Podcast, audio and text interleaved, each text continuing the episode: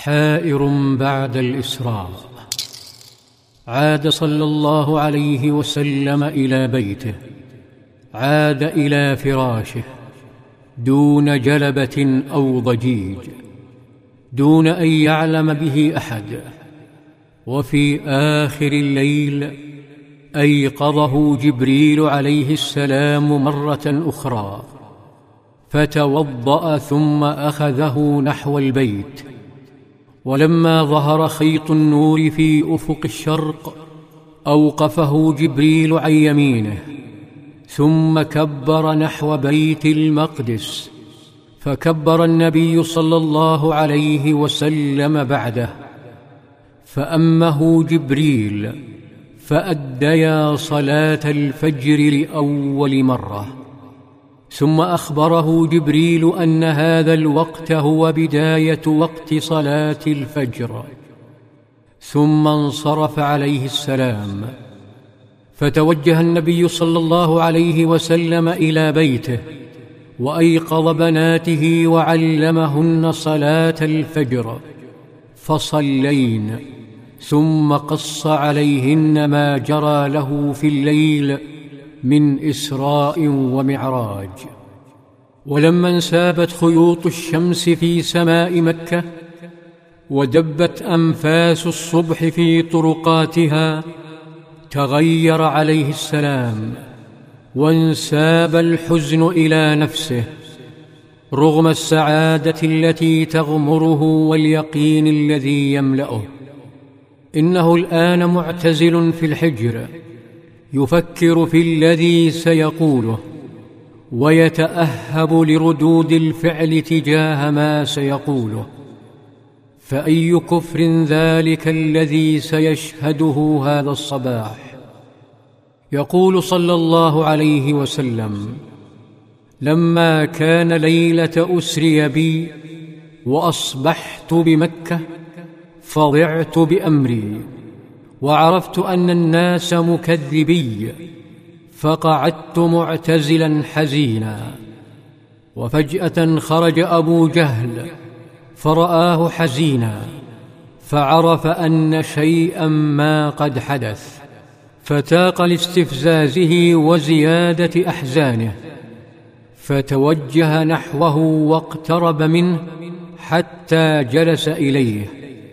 فقال ساخرا هل من شيء؟ فقال صلى الله عليه وسلم بكل ثقة ويقين نعم. ابتهج أبو جهل فقال ما هو؟ قال صلى الله عليه وسلم إنه أسري بي الليلة. فقال إلى أين؟ قال عليه السلام إلى بيت المقدس. هنا اتسعت عينا أبي جهل وازداد حماس التكذيب في ثيابه فقال متظاهرا بتصديقه أسري بك ثم أصبحت بين ظهرانينا؟ قال صلى الله عليه وسلم نعم. فركت الشماته يديها في نفس هذا المجرم ونهض من المجلس بهدوء ولم يشعر نبي الله أنه يكذبه مخافة أن يجحده الحديث إذا دعا قومه إليه. ثم قال أرأيت إن دعوت قومك تحدثهم ما حدثتني؟ فقال رسول الله صلى الله عليه وسلم نعم.